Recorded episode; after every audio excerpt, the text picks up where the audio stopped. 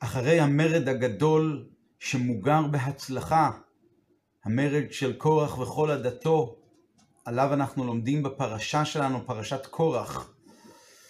איך שבסופו של דבר, ותפתח הארץ את פיה, ותבלע אותם ואת בתיהם, ואת כל הרכוש אשר לקורח, את כל האדם, כל משפחתו של קורח.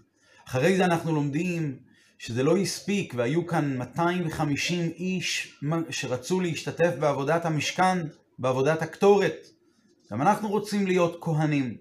ואז ואש יצא מאת השם ותאכל את 250 איש מקריבי הקטורת.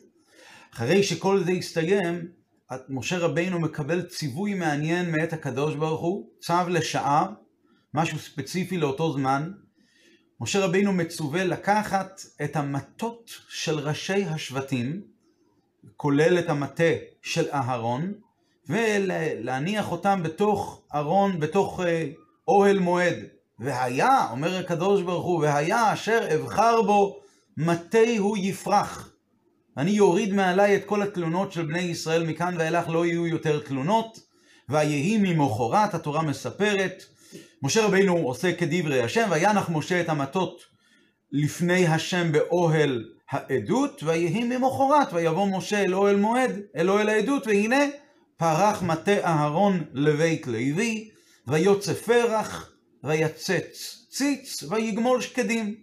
ויוצא משה את כל המטות לפני, מלפני השם אל כל בני ישראל, ויראו ויקחו איש מטהו, וזה בעצם מסתיים, בזה מסתיימת הפרשה, פרשת קורח וכל עדתו, ואז מופיע עוד ציווי קטן, שהקדוש ברוך הוא מצווה את משה רבינו, קח את המטה הזה של אהרון, וזה יהיה למשמרת לאות.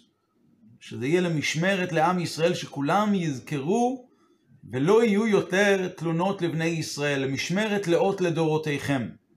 ורש"י שמה מסביר שהמשמרת היא, מה, למה צריכים לשמור את המטה הזה של אהרון? להזכיר לבני ישראל בעתיד שלא יהיו יותר תלונות על אהרון שהקדוש ברוך הוא בחר בו. טוב, כשרש"י מסביר את המילים, מה שאירע, הנס הספציפי שאירע, רש"י כותב ככה, ויוצא פרח, אומר רש"י, כמשמעו. מה זה ויוצא פרח? כמו שזה נשמע, הוא הוציא פרח. פרחים, פשוט פרחים כפשוטו. ואחרי זה רש"י ממשיך, ויצא ציץ, אז רש"י מסביר, היא חניתת הפרי כשהפרח נופל. רש"י מסביר לנו כאן שיעור בבוטניקה.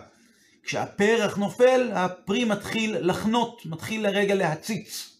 לכן זה נקרא ויצציץ. ואחרי זה כתוב, אומר רש"י, ויגמול שקדים, כשהוכר הפרי, כאשר ראו את הפרי, הוכר שהן שקדים. לשון, ויגדל הילד ויגמל. כמו שנאמר לגבי יצחק, ויגדל הילד ויגמל, ויעש אברהם משתה גדול, אז זה נגמל, אותו דבר גם כן, ויגמול שקדים, הכוונה היא הוא ניכר שהם שקדים גדל והוכר שהוא שקד. רש"י ממשיך, ולשון זה מצוי בפרי האילן, כמו הלשון לגמול, גמול, קיים גם בפרי האילן, כמו ובוסר, ובוסר גמול יהיה ניצה. ככה הנץ, הנץ של הפרי זה יהיה כבר הבוסר, התחלת הפרי. ככה רש"י מסביר לנו בפרשה שלנו, וככה אנחנו עכשיו מבינים לכאורה יותר טוב את מה שאירע בנס.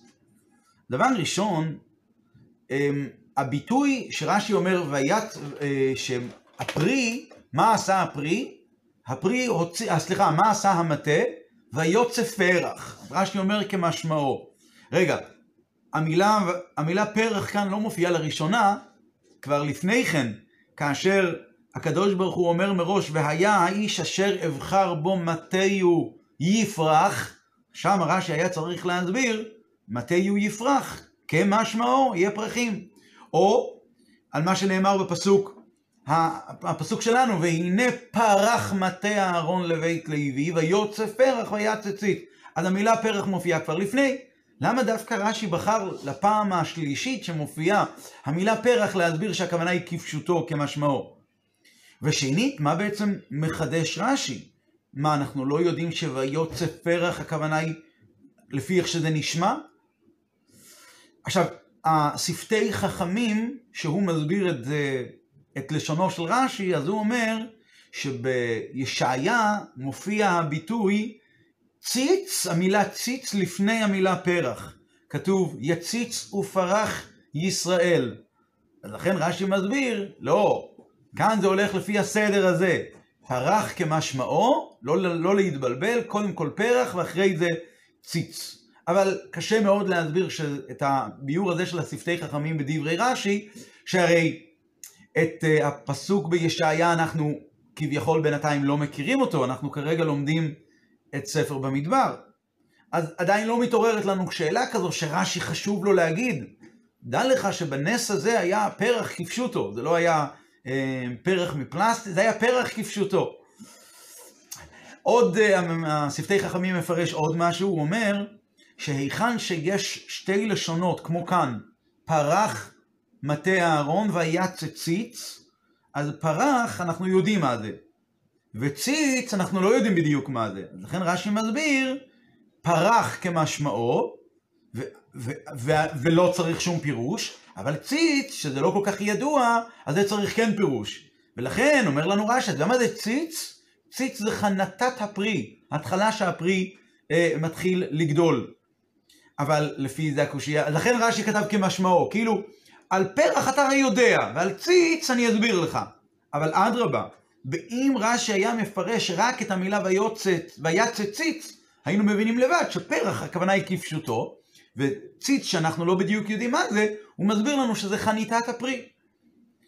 אז קשה מאוד, למה רש"י כאן, חשוב לו כאן להסביר את העניין הזה של ויוצא פרח ויצא ציץ, אז על פרח הוא אומר כמשמעו, ואחרי זה הוא מסביר על אה, ציץ. אולי נדבר גם על, על הדיוק קצת בלשון שלו בציץ. מה הוא כותב? מה זה ציץ? חניתת הפרי כשהפרח נופל. וכאמור, הוא מלמד אותנו כאן בוטניקה, מתי בדיוק יש חניתת הפרי? כשהפרח שגדל בהתחלה נפל. לכאורה, אם רש"י רוצה להסביר לנו מה זה ציץ, שיסביר לנו שזה חניתת הפרי. למה הוא צריך להסביר לנו שזה כשהפרח נופל? בכלל, לא צריך להסביר את כל הסיפור הזה של נפילת הפרח. מה, מה מסתתר כאן? האמת היא שיש לנו כאן יסוד כזה. בכלל, כל הסיפור הזה שאירע כאן בסיום, אה, בסיום הסיפור, בסיום פרשת קורח וכל עדתו, מעלה שאלה גדולה מאוד. מי בכלל צריך אותות יותר על כהונת אהרון? יש כבר, היה מספיק. זה לא מספיק שהאדמה פתחה את פיה, לא מספיק שנשרפו אותם אלה שביקשו גם הם לעשות, להיעשות כביכול לכהנים משרתי השם והם לא. צריך כאן את האות הזה, מה, מה, מה הסיפור כאן של האות הזו? למה היא באה, למה היא משמשת? באמת הרמב"ן טוען שהסיפור הזה של פרח מטה אהרון זה כדי להסביר לעם ישראל שכל מטה לוי, כל שבט לוי, נבחר בתמורה לבכורות. הרי העבודה הייתה אמורה להיות בבכורות של בני ישראל, ובפועל, בגלל שהם חטאו, אז זה עבר ללוויים, ללוויים שזה כולל גם לוויים וגם כהנים. אז זה שייך נטו לעניין. הבחירה של השם באהרון זה, כבר למדנו, אומר הרמב"ן לפני, בסיפור של השרופים שנשרפו, אותם 250 איש מקריבי הקטורת. אבל כאן זה באמת משהו ספציפי יותר לכל מטה לוי. מרש"י לא משמע ככה, רש"י אומר שכשהקדוש ברוך הוא אומר למשמרת לאות, אז ידעו לזיכרון, אומר רש"י, למשמרת לזיכרון שבחרתי באהרון. שבחרתי באהרון, זאת אומרת, רש"י טוען שמדובר כאן על, על אה, סימן נוסף, הוכחה נוספת, מוחצת לבני ישראל, שידעו הקדוש ברוך הוא הוא זה שבחר באהרון, וזה לא שהיה המצאה של משה מעצמו. מה באמת אם כן כל הסיפור הזה? אז האמת היא כזו, לרש"י יש כאן קושי. הקדוש ברוך הוא כבר אמר לפני כן, והיה האיש אשר אבחר בו, מתי הוא יפרח. ובפועל מה קרה? ויוצא פרח, ויצא ציץ, ויגמול שקדים. היי, הקדוש ברוך הוא לא אמר שזה מה שיהיה, זו שאלה אחת. שאלה נוספת, והנה פרח מטה אהרון ויוצא פרח, פעמיים פרח. מהי ה... מה, מה הסוד של, של הכפילות הזו? וכדי לתרץ את הקושיות האלה, רש"י אומר ללומד, דע לך, ויוצא פרח, תכף נבין איך זה מסביר בצורה כללית את כל הסיפור כאן. דבר ראשון רש"י אומר ללומד, ויוצא פרח כמשמעו, יציאת פרחים, פרחים כפשוטו.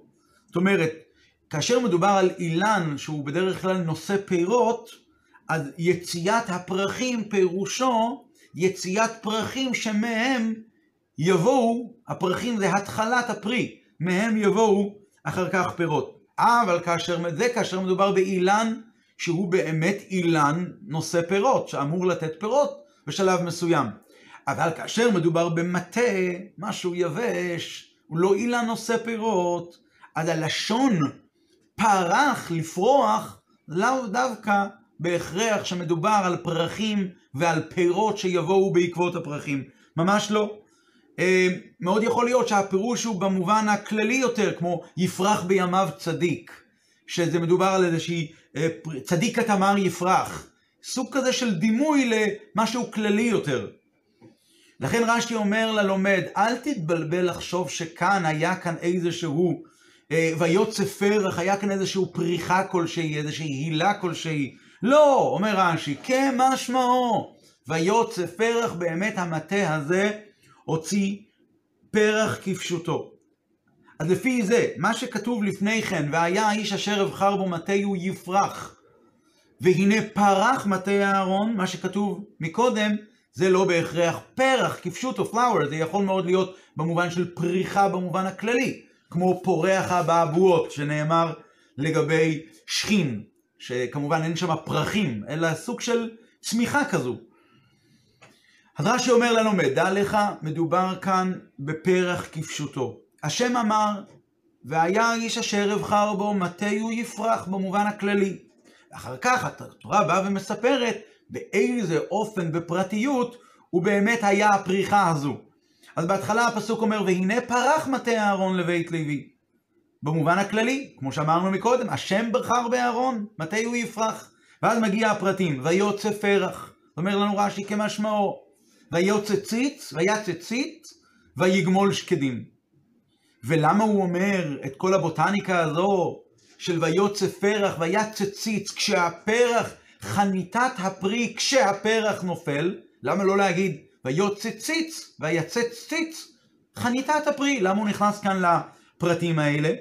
הרי בפשטות הפסוק בא לומר ויוצא פרח ויצא ציץ, שהמטה של אהרון הצמיח שקדים לפי הסדר הרגיל שבו צומחים שקדים על אילנות של שקדים. איך זה צומח? בהתחלה יוצאים פרחים, אך לאחר מכן חונת הפרי, וזה נעשה ציץ, ואז הפירות מתבשלים לגמרי, וזה לא רק ציץ, זה ממש שקדים שראויים לאכילה, ככה זה נראה בפשטות. אבל לפי זה יש כאן קושי, ואת הקושי הזה רש"י מרגיש.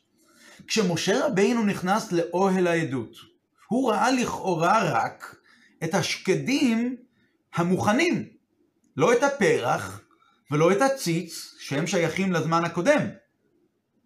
הרי בתורה נאמר, והיה האיש אשר אבחר מתי הוא יפרח, ובכל זאת הראו כל הדברים האלה. למה הראו? כדי לספר לנו שזה אירע לפי הסדר.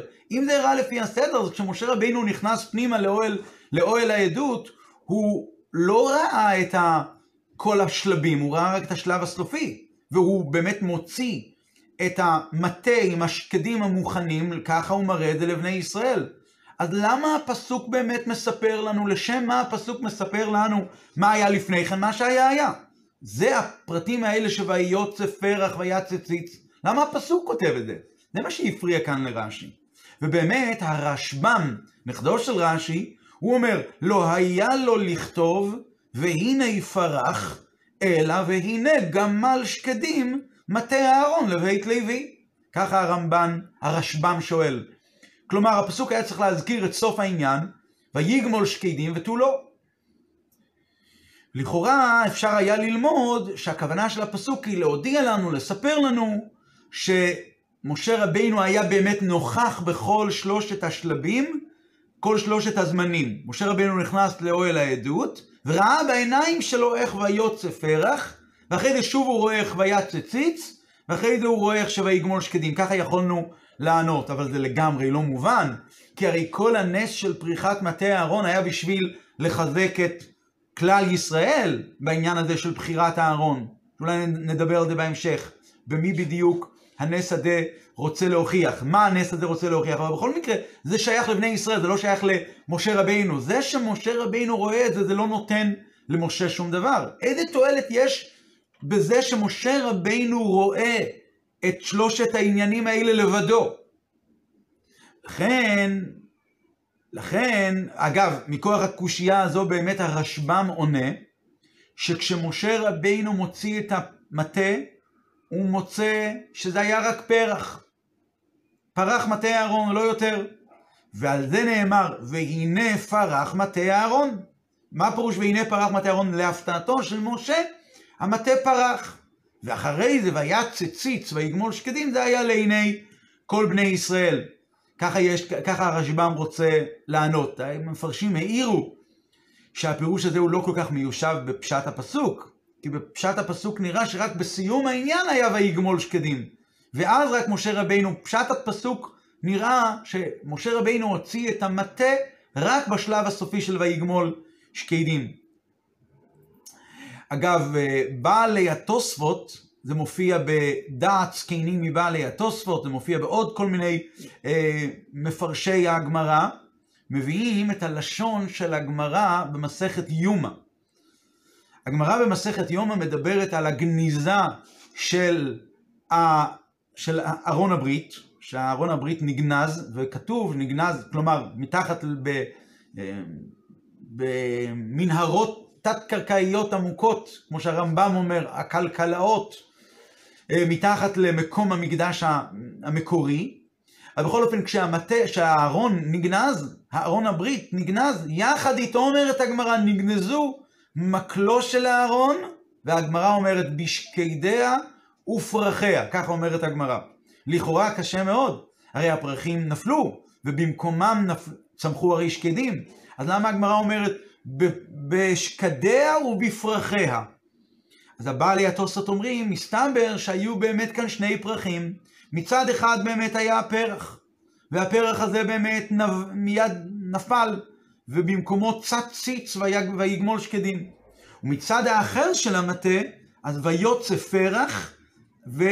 והפרח הזה נשאר ועמד ולא נפל לעולם. ככה אומר, אומרים אה, הראשונים בעלי התוספות. לפי, לפי זה מובן הלשון בגמרא. שלא רק הארון נגנז, אלא גם מקלו של הארון בשקידיה ובפרחיה. כי בצד אחד של המטה באמת נשארו שקדים לעולם, ושם גם נשאר פרחים בצד השני, והם באמת לא נפלו. בצד אחד נשארו שקדים ללא פרחים, בצד שני אה, פרחים ללא שקדים. אבל מרש"י לא נראה שככה רש"י סובר, כי רש"י היה צריך לרמוז כזה דבר. אם רש"י באמת סבור כמו החידוש המפתיע הזה, שמצד אחד היה שקדים ומצד שני היו פרחים שנשארו לעולם, שזה חידוש גדול מאוד, רש"י היה אמור לפרש אותו. מסתבר שלשיטתו היו רק סוג של פרחים, אה, אה, סוג אחד של פרחים, אותם הפרחים שנופלים, ובמקומם לאחר מכן גודל פרי. אז לפי דברי רש"י, והנה פרח מטה הארון, זאת אומרת הייתה בו פריחה, כמו שאמרנו מקודם, פריחה במובן הכללי. אחרי זה הפרטים, שבנוסף, מה זה הפריחה במובן הכללי? צמח משהו, מה צמח? ויוצא פרח כמשמעו, ויצא ציץ ויגמול שקדים. אז נשאלת השאלה, לפי דברי רש"י, מדוע הגמרא אומרת, לפי דברי רש"י שמדגיש, שמה זה ויצא ציץ? חניתת הפרי כשהפרח נופל, מדוע הגמרא אומרת שמקלו של הארון נגנז ביחד עם הארון בשקידיה ובפרחיה. התשובה היא מעניינת מאוד. לא סתם רש"י כתב חניתת הפרי כשהפרח נופל. לפי דברי רש"י יוצא חידוש מעניין מאוד מה שהיה כאן. משה באמת נכנס לאוהל העדות למחרת, ויהי ממחרת. משה רבנו נכנס פנימה והוא רואה על המטה של אהרון רק שקדים. שקדים מוכנים, ויגמול שקדים. והפסוק שאומר מה היה לפני כן, ויוצא פרח ויצא ציץ, זה בגלל שמשה רבינו ידע מהראייה שלו, שהוא ראה את הפרחים שנפלו. משה רבינו ראה את הפרחים, זאת אומרת, אם משה רבינו היה נכנס ורואה את השקדים, רק את השקדים על המטה בלבד, הוא היה יכול לחשוב שיש כאן מטה יבש, ועל המטה צמחו שקדים, מעניין. אז השקדים צמחו בדרך ניסית לגמרי, בלי שום הקדמה של משהו טבעי, כלום כלום. לא היה ויצא פרח, לא היה ויצא ציץ. מיד פשוט צמחו שקדים על, ה, על המטה, ככה משה רבינו היה אמור להבין, לו הוא היה באמת רואה ככה. אבל מזה שליד המטה, ליד המטה של אהרון בתוך אוהל העדות, היו פרחים שנפלו, משה רבינו הבין בצורה ברורה שהשקדים האלה צמחו לפי הסדר הטבעי. ומהו הסדר הטבעי? הוצאת פרח, ואחרי זה ויצא ציץ, ואחרי זה ויגמול שקדים. ולכן הפסוק מדגיש את זה בדרך הזו. כי כשמשה רבינו הוציא את המטה, את המטות, מלפני השם אל כל בני ישראל, ויראו ויקחו איש מטהו, אז הוא הראה להם את הכל. מסתבר לפי דברי רש"י, שהוא הראה להם את הפרחים שנפלו, וכשהם ראו את השקדים ואת הפרחים שנפלו של המטה, אז היה ברור להם שבתוך אוהל העדות, מה התרחש? התרחש סדר די טבעי. מה זה די טבעי? טבעי לגמרי. ויוצף, רק במהירות עצומה, ויוצף פרח, ויצא ציץ, ויגמול שקדים. לפי זה אפשר להבין היטב את לשון הגמרא, שהגמרא אומרת שמקלו של, ההר, של אהרון נגנז עם הארון, ארון הברית, ארון העדות, וזה נגנז בשקדיה ובפרחיה. כאמור לעיל, המפרשים טמאים, איך יכול להיות מילא, מילא אה, שקדיה, אני יכול להבין את זה, אבל פרחיה? מה זה הלשון הזאת פרחיה? הפרחים כבר נפלו, אלא התשובה היא, הפרחים באמת נשארו. איפה הם נשארו? על הרצפה, ומשה רבינו לקח אותם ואסף אותם, וגנז אותם יחד עם אהרון. אולי נגיד את זה בסגנון, אה, בסגנון של שאלה ותשובה. לכאורה אפשר להקשות בכיוון ההפוך. אם באמת לא, לאותם המפרשים שטוענים שהפרחים נשארו על המקל, למה חז"ל מדגישים שהפרחים נשארו על המקל? זה חלק מהמקל. הם כלולים במקל.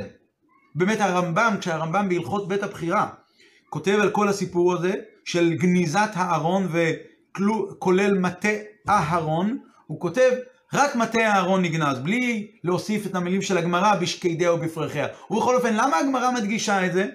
זה שמפרטים את השקדים, כי זה לדעת שמדובר כאן על המטה של אהרון שעליו פרחו שקדים. אבל למה צריך להדגיש את הפרחים? למה, למה הגמרא מדגישה שגנזו את השקדי, את המטה בשקדיה ובפרחיה? אלא לפי דברי רש"י זה יוצא מצוין.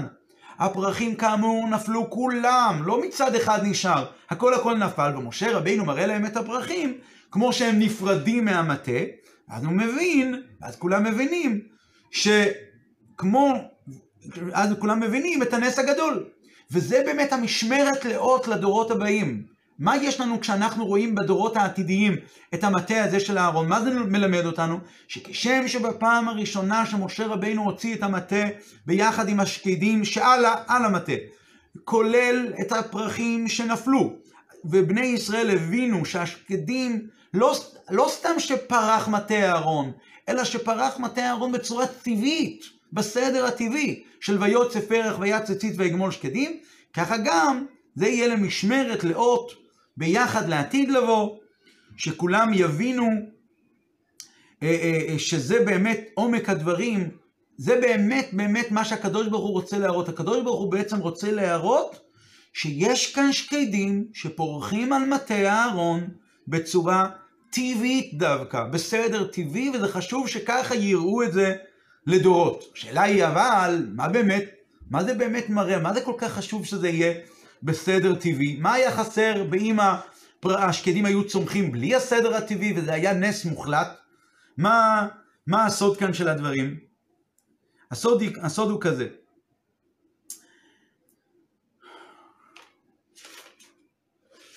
בני ישראל באמת מבינים, אחרי כל מה שאירע כאן, וזה עונה גם על השאלות הקודמות ששאלנו בתחילת השיחה, על כל האות הזו של פרח מטה אהרון. יש כאן איזושהי נחיצות, משהו שנחוץ מאוד, אה, שלמרות שכבר היו כבר אותות שקדמו לאות הזו, של האות הזה של מטה אהרון, יש כאן איזה משהו מאוד מאוד חשוב. היה את עונש הבלויים והיה את עונש השרופים. עונש הבלויים ועונש השרופים הוכיחו שבאמת הקדוש ברוך הוא בחר באהרון. אבל היה יכול לבוא ולהתגנב, הייתה יכולה להתגנב המחשבה, הייתה יכולה לבוא איזושהי תלונה מצד בני ישראל, שבאמת אהרון מצד עצמו בכלל לא ראוי לכל העניין הזה של, של uh, הכהונה שהקדוש ברוך הוא בחר בו בגלל כל מה שהיה המעורבות שלו, המעורבות האקטיבית שלו כביכול בעשיית העגל, אז יבואו אנשים ויאמרו, טוב, כנראה הוא קיבל את המשרה הזו ואת התפקיד הזה בזכות שמשה רבינו התפלל מאוד מאוד חזק עליו. משה רבינו מאוד מאוד ביקש, אז לכן, אז לכן הקדוש ברוך הוא אמר, טוב, בסדר. הייתה יכולה להיות כזאת תלונה מצד בני ישראל. אבל האם אהרון מצד עצמו באמת ראוי להיות הכהן הגדול שמעלה את כל עם ישראל ומקרב אותם אל הקדוש ברוך הוא? האומנם? לא, הוא לא מתאים. ככה הייתה יכולה להתגנב המחשבה. על זה מראה הקדוש ברוך הוא את האות הזו של המטה. וכמו שאמרנו, שיטת רש"י שלא כמו הרמב"ן, שיטת רש"י היא שאות המטה הוא כנגד בחירת הקדוש ברוך הוא באהרון. אבל מה? באיזה פרט?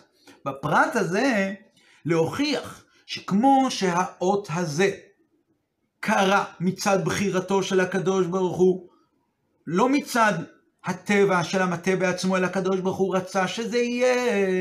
אבל מצד שני, אחרי שהקדוש ברוך הוא רצה שזה יהיה, זה פעל שהאות הזו התקשרה עם, האות הזה התקשר עם המטה בצורה כל כך חזקה, עד כדי כך שזה הפך להיות משהו טבעי. אותו דבר גם, והנה, ויוצא פרח, ויצא ציץ, ויגמול שקדים. אותו דבר גם בחירת הקדוש ברוך הוא והכהונה שניתנה לאהרון היא מצד באמת בחירת הקדוש ברוך הוא. זה לא קשור למשה רבינו ולתפילות שלו. הקדוש ברוך הוא בחר באהרון. אבל הבחירה היא נעשתה בצורה כזו שהכהונה הפכה להיות סוג של הטבע של אהרון, הטבעיות של אהרון, זה המעלה של אהרון עצמו. ולכן זה חשוב לראות ככה לדורות, שיבינו שככה זה כוחם של הכהנים. לפי זה נבין למה רש"י כותב על המילים ויגמול שקדים, בסוף הפירוש שלו, ויצ, ויוצ, והנה פרח מטה אהרון, ויוצא פרח כמשמעו אומר רש"י. ויצצית היא חניתת הפרי כשהפרח נופל, רש"י מדגיש את זה. ויגמול שקדים, מה זה ויגמול שקדים? אומר לנו רש"י, לשון זה מצוי גם בפרי האילן. הוא אומר, זה לא קיים רק, הוא, רש"י לא אומר שזה קיים ב...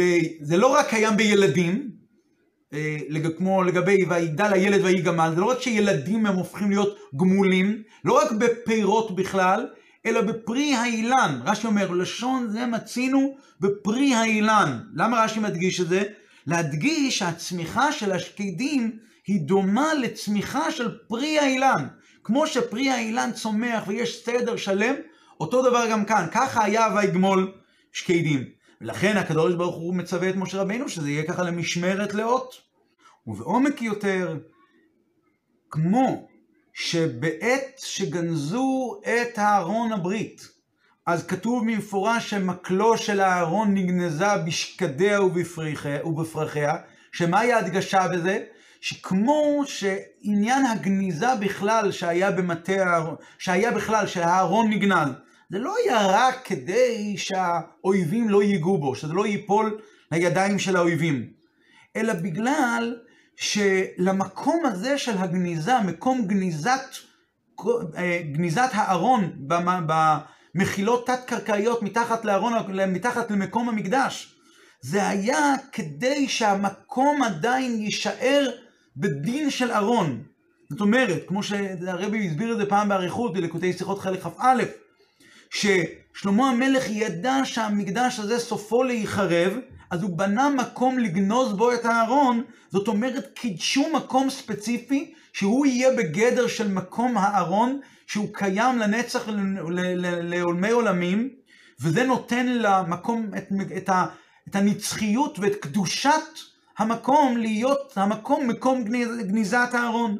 אז על דרך זה גם בנוגע לשאר הדברים שנגנזו עמו, נגנזו ביחד עם הארון, שזה מקלו של הארון, ולא סתם מקלו של הארון, אלא מקלו של הארון בשקידיה ובפרחיה, שזה גם למשמרת לאות.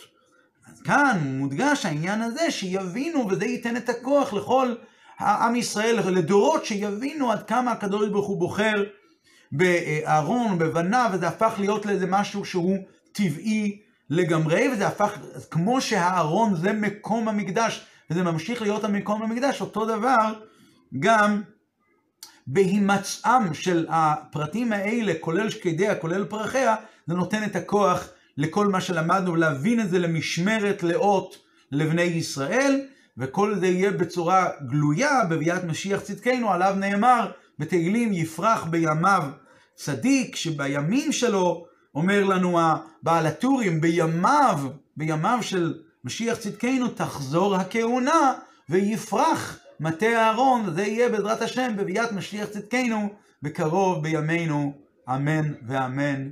שבוע טוב ובשורות טובות.